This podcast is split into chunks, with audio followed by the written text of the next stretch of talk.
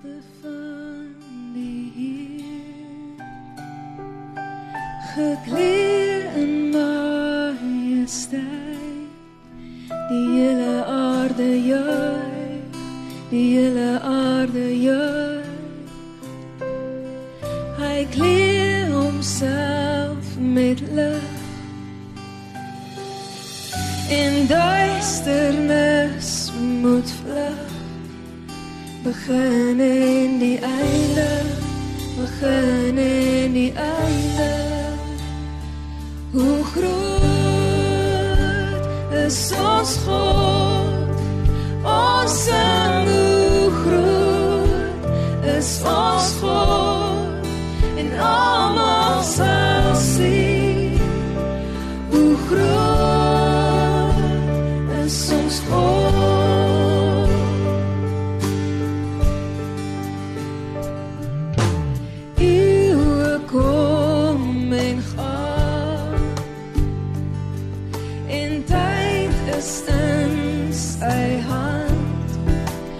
Begin en die einde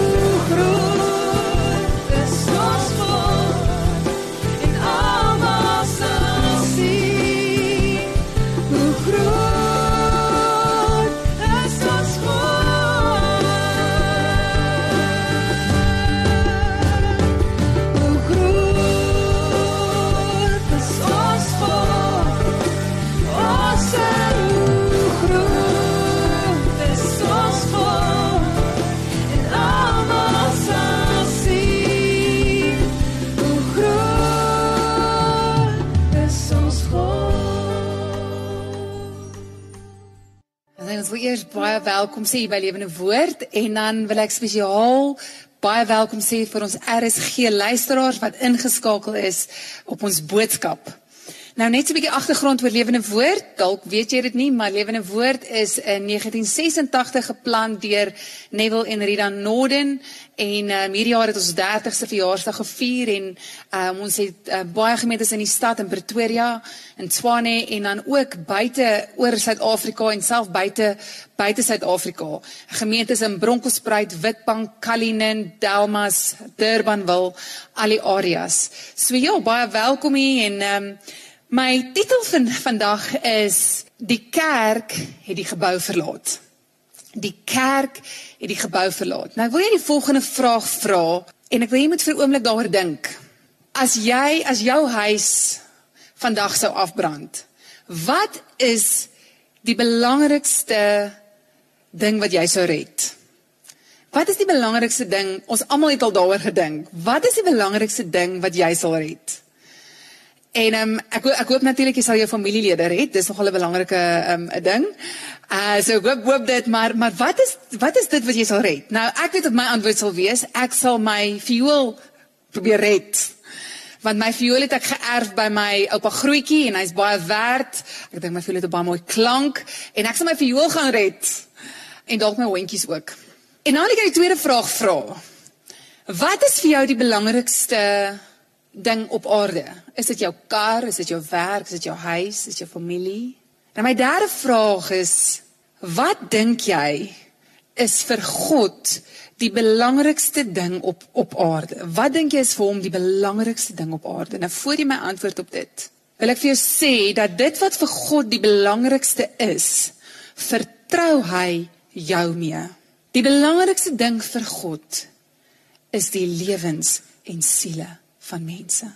En as ek my titel vandag sê dat die kerk hierdie gebou verlaat, glo ek dat dis die belangrikste vir God is dat dit wat ons dat ons nie net is om hier binne te wees in 'n gebou te wees nie, maar dat God ons roep om daar buite te wees, om kerk in ons werksplek te wees, om kerk by ons familie te wees. Dat dis wanneer kerk regtig lewendig lewendig word. Is dit wat die Here jou roep daar buite. Nou as jy jou Bybel het, wil ek hê jy moet gou vir my oopmaak by Lukas 5. En dit sê daar: En toe het die skare by hom aangedring om die woord van God te hoor. Gaan hy by die by die meer Genesaret staan en sien twee skuite aan die kant van die meer lê. Maar die vissers het van hulle af weggegaan en was besig om die nette uit te spoel. Toe klim hy in een van die skuite wat aan Simon behoort het en vra hom om 'n entjie van die land af weg te vaar. En hy het gaan sit en in die skare van die skuit uitgeleer. En toe op hy spreek, sê hy vir Simon: "Vaar uit na die diep water en laat jou nette sak om te vang." En Simon antwoord en sê vir hom: "Meester, ons het die hele nag deur hard gewerk en niks gevang nie. Maar op u woord sal ek die net laat sak." En toe hulle dit gedoen het, het hulle 'n groot menigte visse ingesluit en hulle net wou skeer. Daarop wink hulle vir hul maats in die ander skuit om hulle te kom help. En hulle het gekom en albei die skuite volgemaak sodat hulle amper gesink het. En toe Simon Petrus dit sien, val hy neer op sy knieë aan die knie van Jesus en sê: "Gaan weg van my Here, want ek is 'n sondige man." Want verbaasdheid het hom aangegryp en almal wat ook by hom was oor die vangs en visse wat hulle gemaak het. En net so ook vir Jakobus en Johannes, die seuns van Zebedeus, en Simon sy maats was. En Jesus sê vir Simon: Moenie vrees nie. Van nou af sal jy mense vang. En nadat hulle die skuite aan die land gebring het, het hulle alles verlaat en hom gevolg. Nou ek wil vir jou gou die prentjie net gou skilder. Kom ons sê dat jy is 'n 'n verkoopsman, dis dalk jou beroep. Jy sit in 'n kantoor, jy's dalk 'n beroepsvrou of jy maar jy's in verkope, jy jy het hierdie maand mense gebel, kliënte gaan sien en dit is asof jy net nie dit het net nie gewerk hierdie maand nie. Jy kry nie inkomste in nie en jy besef in jou binneste, maar as ek nie as ek as daar nie iets radikaals nou gebeur nie, gaan my familie nie eet hierdie maand nie. Ek het dalk nie eens nie eens petrol in my kar hierdie maand nie. Jy dink daar's dalk angs wat in jou opkom en, en jy besef maar maar ek moet voorsien, ek moet verkope kry, ek moet ek moet die foon optel, ek moet ek moet my produk verkoop en niks werk nie. En terwyl jy sit en en amper in angs sit en en en vra, sê Jesus vir die volgende. Hy sê vir jou, hier is die maatskappy se naam. Ek wil hê jy moet hulle skakel en 'n afspraak maak. En jou jou reaksie teenoor Jesus is, Jesus, maar ek het al almal geskakel. Daar is nie nog nog 'n persoon wat wat ek kan skakel nie. Maar jy sê vir Jesus, Jesus, maar as as dit U wil is, sal ek dit doen. Telefoon op, skakel die maatskappy en met verbasing besef jy dat hulle wil jou sien, hulle wil 'n afspraak maak. Jy gaan sien die maatskappy en die baas van die maatskappy sê vir hoorie, ons het 'n kontrak wat ons dringend vir iemand moet gee en die kontrak is joune, maar jy begin môre met hierdie kontrak. En jy besef, maar eintlik is my maatskappy te klein om hierdie om hierdie kontrak te hanteer. Jy bel familielede, jy bel mense, jy sê hoorie ons moet vinnig spring, ons moet ons moet en ons en, en die kontrak kom in, dis 'n oorseese kontrak en, en jy besef dit is baie geld en en jy besef in jou binneste maar dis 'n groot ding wat nou net gebeur het. En eers kom jy op 'n punt wat jy besef dat Jesus is groot. Jy besef dat Jesus voorsien. En die oomblik toe jy dit besef, val jy voor Jesus neer en jy sê Jesus, ek is dit nie werd nie. Ek besef die wonderwerk wat U nou net gedoen het. En Jesus sê vir jou, my seun, my dogter, volg my en ek sal van jou vissers van mense maak. Ek roep jou om mense se lewens te vang vir my koninkryk. En ek dink hierdie is so belangrik dat ek glo die Here roep ons vir iets groters en en ek vra baie keer as jy jouself die vraag vra, hoekom het ek 'n werk? Hoekom hoekom gaan ek werk toe? Is dit om net geld te verdien? Is dit om met my salaris te kry? Ek wil vir jou sê daar's 'n groter doel omdat jy werk. Eerstens werk ons omdat God werk. Tweedens wil ek vir jou sê dat God gebruik jou werk as 'n voertuig na die mense toe. Weet jy dalk is jy op 'n plek wat jy dalk mismoedig voel en sê Here, ek weet nie of ek lus is om môre op te staan nie. Ek weet nie of ek lus is of ek 'n doel het om te lewe lewe nie. Ek wil jou vandag sê dat God het 'n plan met jou werk, dat hy plaas jou daar spesifiek met 'n groter doel en om om verder te leef en omdat hy jou juist dit gebruik om jou by die mense te kry. Ek wil nog 'n skrif vir ons lees uit um, Lukas 5, net so 'n bietjie aan in dieselfde ding. En hierso praat ons van uh, vertel jy die storie van Levi. En dit sê Lukas 5 vers 27, dit sê daar en na hierdie dinge het hy uitgegaan en 'n tollenaar met die naam van Levi by die by die tolhuis sien sit en vir hom gesê: "Volg my." In vers 31 sê en Jesus antwoord en sê vir hulle: "Die wat gesond is, het nie 'n geneesheer nie nodig nie, maar die wat ongesteld is. Ek het nie gekom om regverdiges te roep nie, maar sondaars tot bekering." Weet jy, baie keer dink ek as ons gekonfronteer word deur die persoon van Jesus Christus, dan sal ons anders kyk na die mense. Sal ons anders kyk na die wêreld. As ons kyk na Jesus, want wat gebeur? Jesus roep 'n tollenaar hier. Hy was nie 'n baie populêre ou nie. Die mense het nie van hom gehou nie, want hy het almal se geld gevat. En die Fariseërs kom en sê hoorie maar Jesus, hoekom hoe eet jy saam met die tollenaars? En dis juis die Jesus wat ons ken. Is hy juis by die tollenaars? Hy's juis by die prostituut. Hy's juis by die groot sondaar, die vrou van by die by die put wat heeltemal kruiskultureel nie nie eens veronderstel is om om met met hom te praat nie as 'n kultuur kultuurgewys kyk. Maar Jesus breek self kultuur om by iemand se lewe lewe uit te kom. Ek glo dat as ons gekonfronteer word met die persoon van Jesus Christus, is daar iets wat in ons binneste gebeur want en ek glo dat Jesus jou vandag roep spesifiek om 'n disipel te word. Want as kyk na die bediening van Jesus, ons sien die die skares, ons sien groot skares wat wat oral gegaan het as Jesus gepreek het, as hy gepraat het, was daar skares. En jy's of jy's of in die skare, dalk kom jy nou en dan kerk toe, jy's of in die skare of jy het 'n volger geword.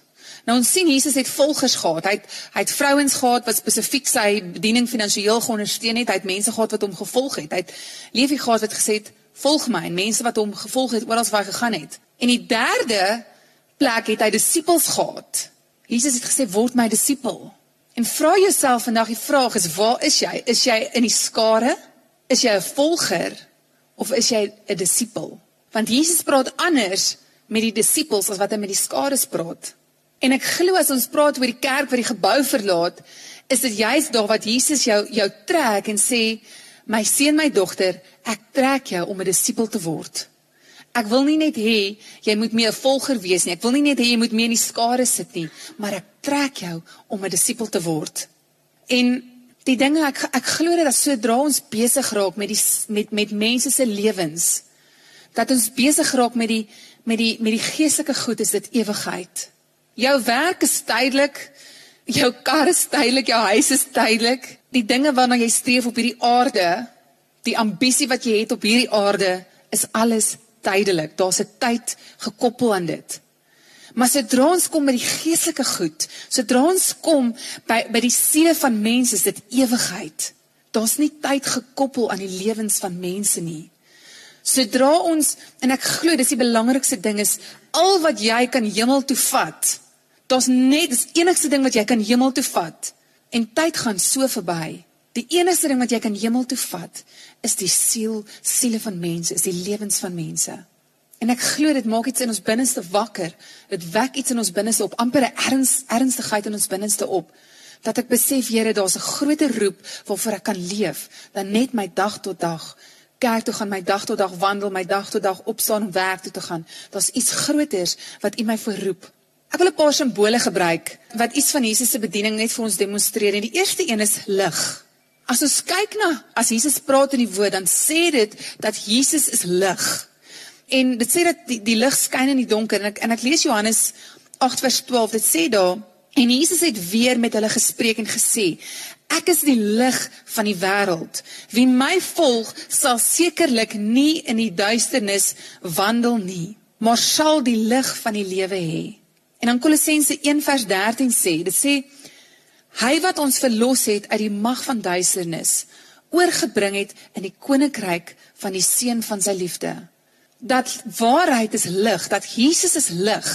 As jy 'n lig in die donker skyn, dan kan donkerte dit nie wegdruk nie.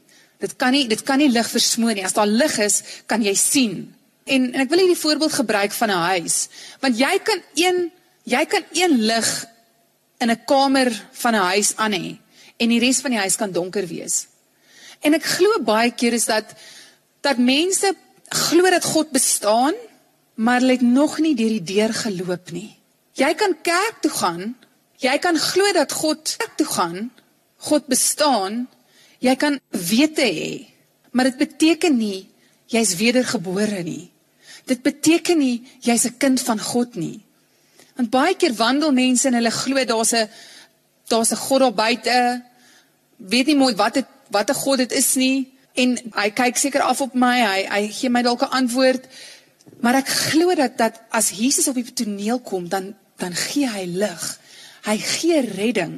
Hy is die deur na die ewige lewe. En die volgende die volgende simbool waaroor ek wil praat is sout. En dis juist as ons praat oor disippels maak, Ehm um, wil ek lees uit Lukas 14 vers 33. Dit sê daar: So kan dan ook niemand van julle wat nie afsien van al sy besittings my disippels wees nie. Die sout is goed, maar as die sout laf geword het, waarmee sal dit smaaklik gemaak word? Dit is nie bruikbaar vir die grond of vir die ashoop nie. Hulle gooi dit buitekant weg. Wie oor het om te hoor, laat hom hoor. Hierso praat Jesus van 'n kondisie vir dis, om om 'n disipel te wees. Daar's 'n kondisie wat wat belangrik is. En sodra ons die kondisie begin besef dat Here ek gee my lewe ek los my lewe agter. Ek gee my lewe vir U. En ek ek ek word 'n disipel van Jesus, dan word my lewe so sout. Dis daar waar dit gaan is is dit is dit iets werd, anders word dit net weggegooi. En dan die derde simbool is 'n deur. Jesus sê dat hy is die deur. Dat hy is die deur tot die ewige lewe. Hy is die deur na die Vader. Ek wil jouself die vraag vra vandag is vra jouself die vraag, dink jy dat God het genoeg van sy woede op Jesus uitgestort? Dink jy dat Jesus was volkome veroordeel? En jou antwoord op dit is ja. God haat sonde. Die sonde, die straf van sonde was veronderstel om op op jou en op my te kom. Die vloek van sonde was veronderstel om op ons te kom.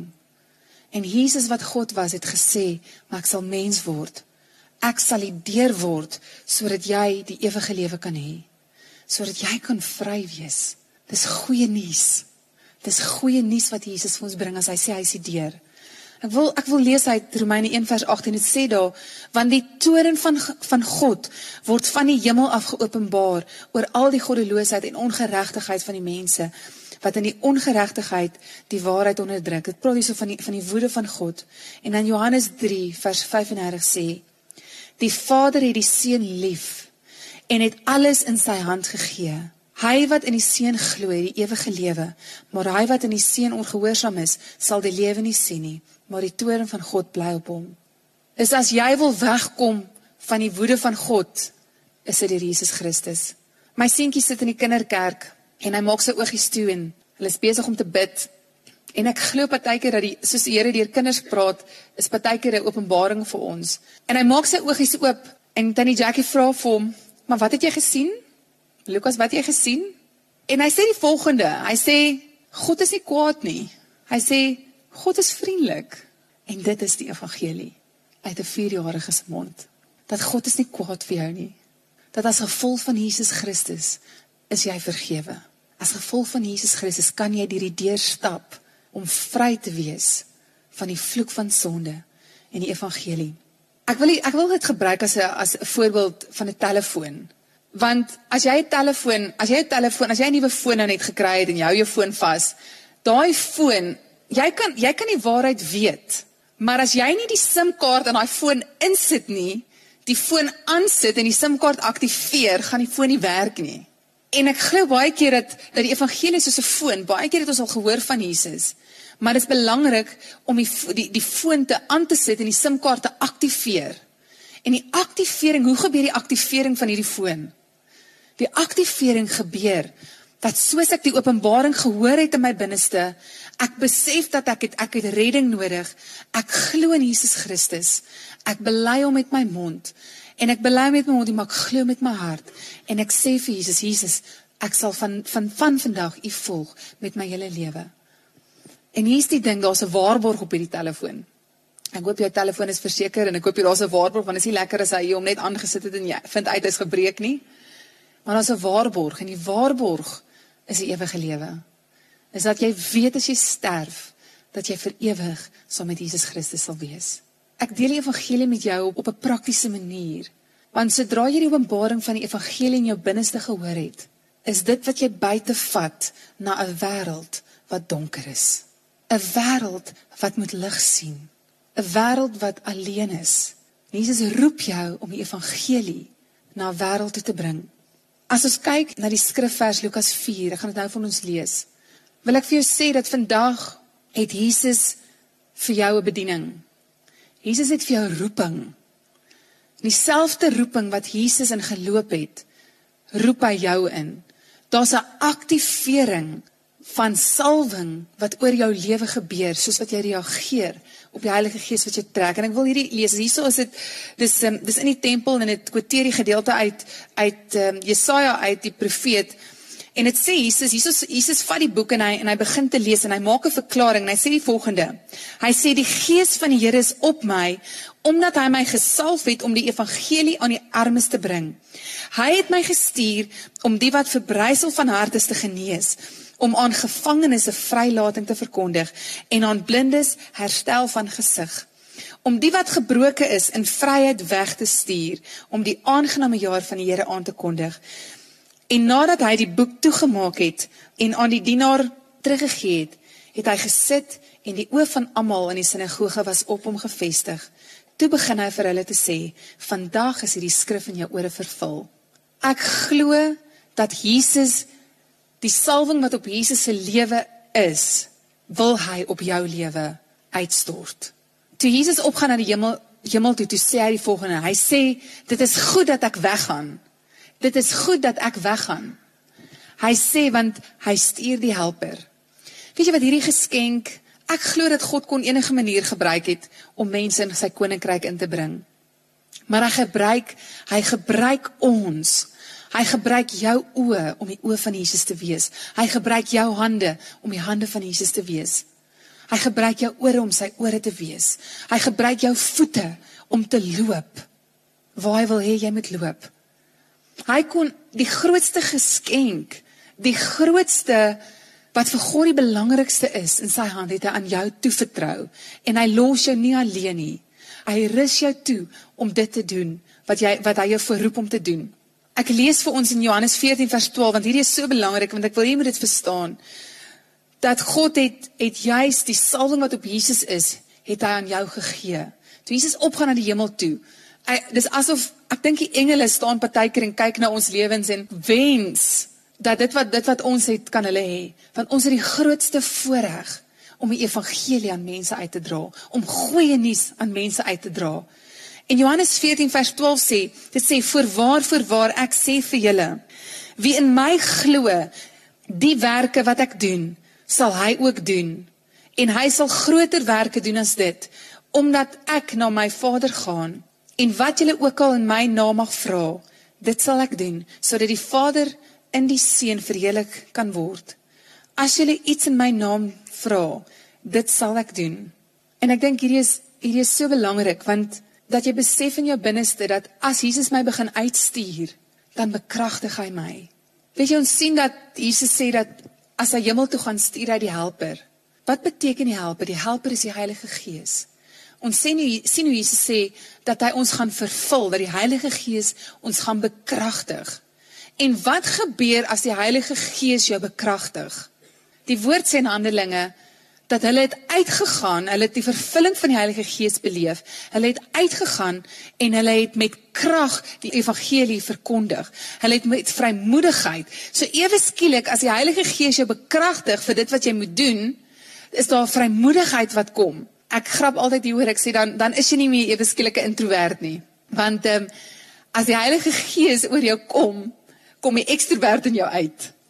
Want jy besef in jou binneste Daar's 'n daar's 'n opwekking van sy gees, daar's 'n dryf van sy gees.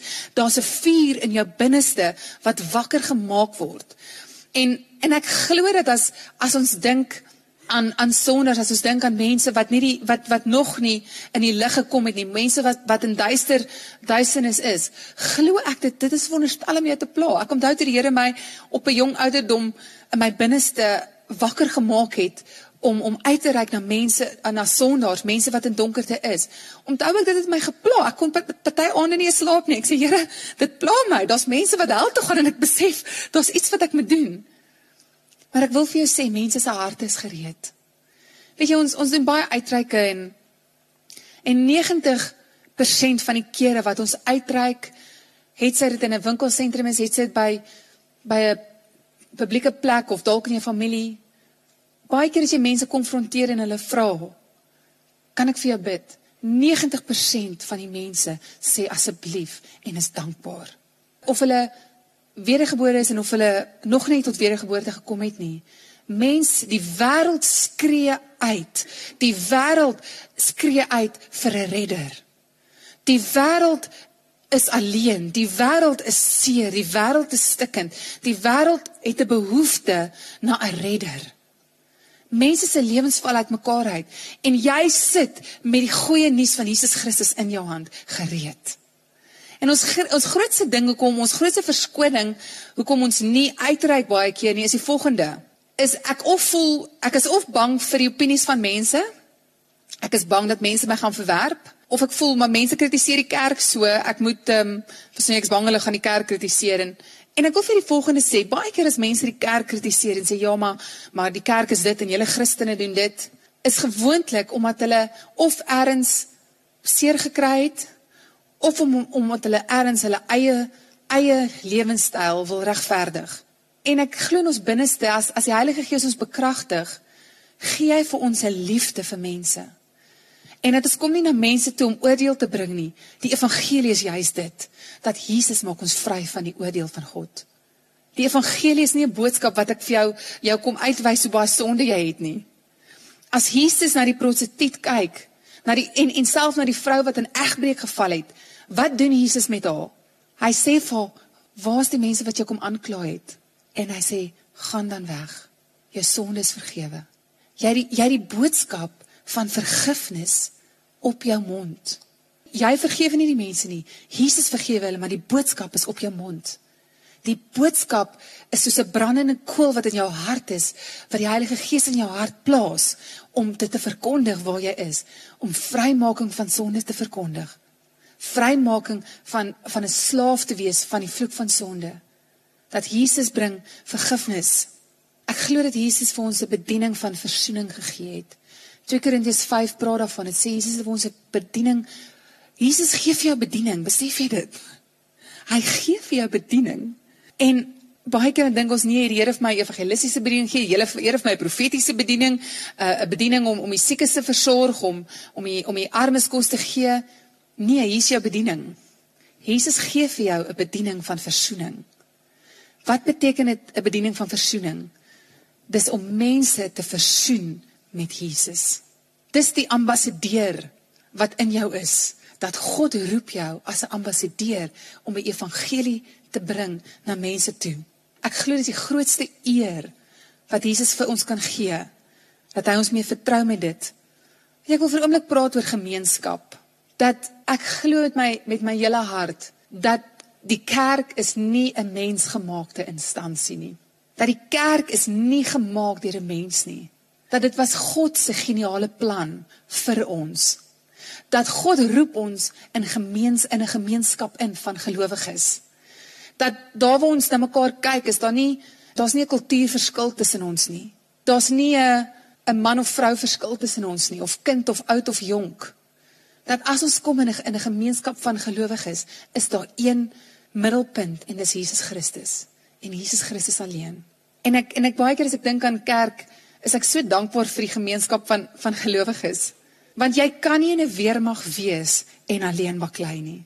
Dis die grootste ding van die kerk. Ja, die kerk is baie keer 'n plek van veiligheid vir mense om om Jesus te ontmoet, om om tot redding te kom. Ek glo die kerk is baie keer 'n hospitaal. Dat as jy siek is, as jy stikkend is, dan kom jy om genesing te kry. Die kerk is 'n plek van opleiding waar jy leer wat jy groei en glo en en tot volwassenheid kom. En dan glo ek die kerk is ook 'n plek van oorlog. Wat ons nie oorlog hou in die vlees nie, maar ons hou oorlog in die gees. Want God sê ons wapens is nie vlees en bloed nie, maar in die geestesrealm. Daar's 'n realiteit van die geestesrealm. En ek glo dat jy kan nie alleen, jy kan nie alleen in oorlog staan nie. Dis hoekom gemeenskap van gelowiges belangrik is. Dis hoekom dit belangrik is as jy kerk toe kom. Dis hoekom belangrik is as jy inskakel in 'n selgroep en 'n in 'n familie van gelowiges. Want dis die persoon wat langs jou staan sodat jy kan sterk bly, jy's in die middel van 'n oorlog. Ek wil vir ons 'n gedeelte lees uit Handelinge 14. En dan wil ek vir jou drie stappe gee vandag wat ek wat ek glo jy sal help um, spesifiek om uit te reik en waarna toe die Here jou ook al stuur. Die gedeelte is hierso waar Paulus hulle is in um, in Lister. So ek wil gou hierso lees en dit sê in vers 8 dit sê en in Lister het daar 'n man gesit wat magteloos was aan sy voete, krepeel van sy geboorte af en hy het nooit geloop nie. Hy het geluister terwyl Paulus spreek en Paulus het die oë op hom gehou. En toe hy sien dat hy geloof het om gesond te word, met 'n groot stem gesê: "Staan regop op jou voete." En hy het opgespring en begin rondloop. En toe die skare sien wat Paulus gedoen het, verhef hulle hul stem en sê in in Lekadonius: "Die gode het soos mense geword en neergedaal na ons toe." En hulle het vir Barnabas Jupiter genoem en vir Paulus Mercurius omdat hy die die woordvoerder was. En die priester van Jupiter, wie se tempel voor hulle stad was, het stiere en kraanse na die poorte gebring en wou saam met die skare offer. Maar toe die apostels Barnabas en Paulus dit hoor, het hulle hul klere geskeur en onder die skare ingespring en geroep en gesê: "Manne, waarom doen julle hierdie dinge?" En ek wil verder gaan. Ek gaan jou net gou vertel wat verder na gedeelte gebeur want hierdie is so belangrik. Dat ons sien hierso Paulus kom en hy preek die woord en ons sien 'n wonder wonderwerk wat volg. Want die woord die woord sê vir ons dat ons moet gaan en tekens en wonders sal volg. God wil jou gebruik in die bonatuurlike krag van God. God wil roep jou om hande op siekes te lê sodat blindes kan sien om te profeteer, om die krag van God te manifesteer daar waar jy is. Nou wat gebeur is Paulus is gewoonlik as hy evangelie bring, dan volg tekens en wonders. Nou wat gebeur hierso? Is Paulus is besig om te preek, 'n wonderwerk gebeur en natuurlik as gevolg van die van die area, as gevolg van hulle gelowe, dink hierdie mense, hoorie maar, hier's wonders wat deur Paulus se hande gebeur. Hy moet 'n god wees en hulle begin offers te bring aan Paulus en Paulus skeer sy klere en hy besef wat met hierdie mense aangaan. Hulle besef nie die evangelie nie, hulle besef nie die waarheid nie. En weet jy wat verklaar Paulus? Hy sê, "Maar ek is ook net 'n mens." So my eerste punt is die volgende, is as jy uitreik, is besef, ek is net 'n mens. Jy hoef nie heilig te wees nie. Jy hoef nie volmaak te wees nie. Ek sit met foute. Dalk het jy 'n verlede. Paulus sê hierso, "Maar ek het 'n verlede. Ek is nie volmaak nie, maar die krag van God kan deur jou werk." Want God stuur jou na 'n land, na 'n plek, na 'n dorp om sy evangelie te verkondig. So die eerste punt is besef dat jy 'n mens is. Die tweede punt is wat jy moet besef, jy bring goeie nuus. Die evangelie is nie 'n hartseer storie nie. Die evangelie maak vry. Die evangelie verkondig die liefde van God. Die evangelie verkondig dat God is nie meer kwaad nie dat hy het jou lief. Hy het jou so lief dat hy sy eie seun gestuur het. Dis hoe lief hy jou het. die evangelie is die volgende is dat God stuur jou om jou mond te vul met liefde. Weet jy, ek glo dat die Heilige Gees in ons harte geboorte gee aan 'n liefde vir mense. Jou eie vlees gaan sukkel om mense lief te hê. Maar sodra God wat liefde is, sy hele wese is liefde. Sodra God wat liefde is in jou binneste 'n liefde plaas vir mense, is daar iets anders wat gebeur. Dis hoekom jy in die aand sal wakker lê en dit sal jou pla as mense hel toe gaan. Want ewe skielik het jy 'n deernis in jou hart. En liefde is nie noodwendig vir die persoon waar wat wat altyd na jou opinie luister of die persoon wat altyd mooi met jou praat. As God 'n liefde in jou hart ge gee vir mense, is dit is dit is dit baie keer vir die mense waarvan jy nie so baie hou nie. Die die baas wat dalk nie baie mooi met jou praat nie. Maar sodra God 'n bonatuurlike liefde in jou hart gebore is, dit is dit wat jou begin dryf. Wie as jy sê praat van die goeie nuus, jy bring waarheid. En dan punt nommer 3 is die volgende. Dis nodig om 'n sterk oortuiging te hê van 'n groter krag. As ek die boodskap van Jesus bring en ek gaan net verskoning maak, ja, ek weet Christene, Christene is nou maar son julle doen nou maar slegte dinge of hulle jammer jy is nou geoordeel of wat ook al, verstaan jy? Ek hoef nie verskoning te maak nie. Weet jy hoekom maak ek nie verskoning nie? Want ek glo Jesus is waarheid. Mense maak foute. As mense foute maak, maak ek foute maar daar's 'n sterk oortuiging van die Heilige Gees in jou binne. So weet jy wat, soos ek groei in die stem van die Here, soos ek groei in my verhouding met Jesus, is daar een ding wat sterker elke dag groei. En dis my oortuiging in die evangelie van Jesus Christus. Want die Heilige Gees is my getuie hier binne binne my. Hoe weet ek? Hoe weet ek dat as ek vandag doodgaan, dat ek gaan hemel toe? Hoe weet ek dit? Hoe weet ek dat ek 'n kind van God is? Die Heilige Gees in my binneste getuig dat ek 'n kind van God is. Die Heilige Gees is 'n seël in my binneste dat ek nie twyfel in my denke nie, dat ek nie wonder is ek nou gered ek nie. Die Heilige Gees is 'n getuie en omdat daai getuienis en daai daai daai oortuiging in my binneste van Jesus Christus sterker en sterker en sterker elke dag groei, is dit hoekom my mond nie meer kan stil bly nie. Want ek het 'n sterk oortuiging in my binneste dat Jesus is goeie nuus. Jesus bring lewe. My uitdaging vir jou is dat ons fokus hierdie maand om mense terug te nooi kerk toe. En hier's my uitdaging is dat hierdie week nooi iemand kerk toe vir Sondag.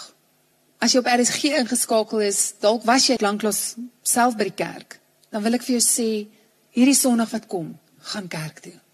En dink so lank, gaan jy realiseer en sê Here, wie kan ek kerk toe nooi? Familielid, 'n vriend, iemand by die werk, nooi iemand hierdie week kerk toe. Ek gaan vir ons bid. Vader, ek weet dat die evangelie goeie nuus is. Dat dit een van die kragtigste boodskappe is wat U ons mee vertrou. En elke persoon wat luister, het dit oor die radio is of het dit hier vandag is, wil ek vra dat U 'n branding van U Heilige Gees in ons binneste plaas, 'n oortuiging in ons binneste plaas dat U roep ons om disippels te maak. U roep ons om deel te hê van die grootste grootste bediening, die die belangrikste ding wat U aan ons toevertrou, is die siele siele van mense. En vandag soos wat ons soos wat ons luister na hierdie gebed, weet ek daar's mense wat luister en besef daar's familielede wat dalk nie in in in die lig in in die lig is nie, dat hulle nog nie tot wedergeboorte is nie. Hulle glo nog nie in Jesus Christus nie. Vader, ons wil elke siel vandag inroep vir U koninkryk.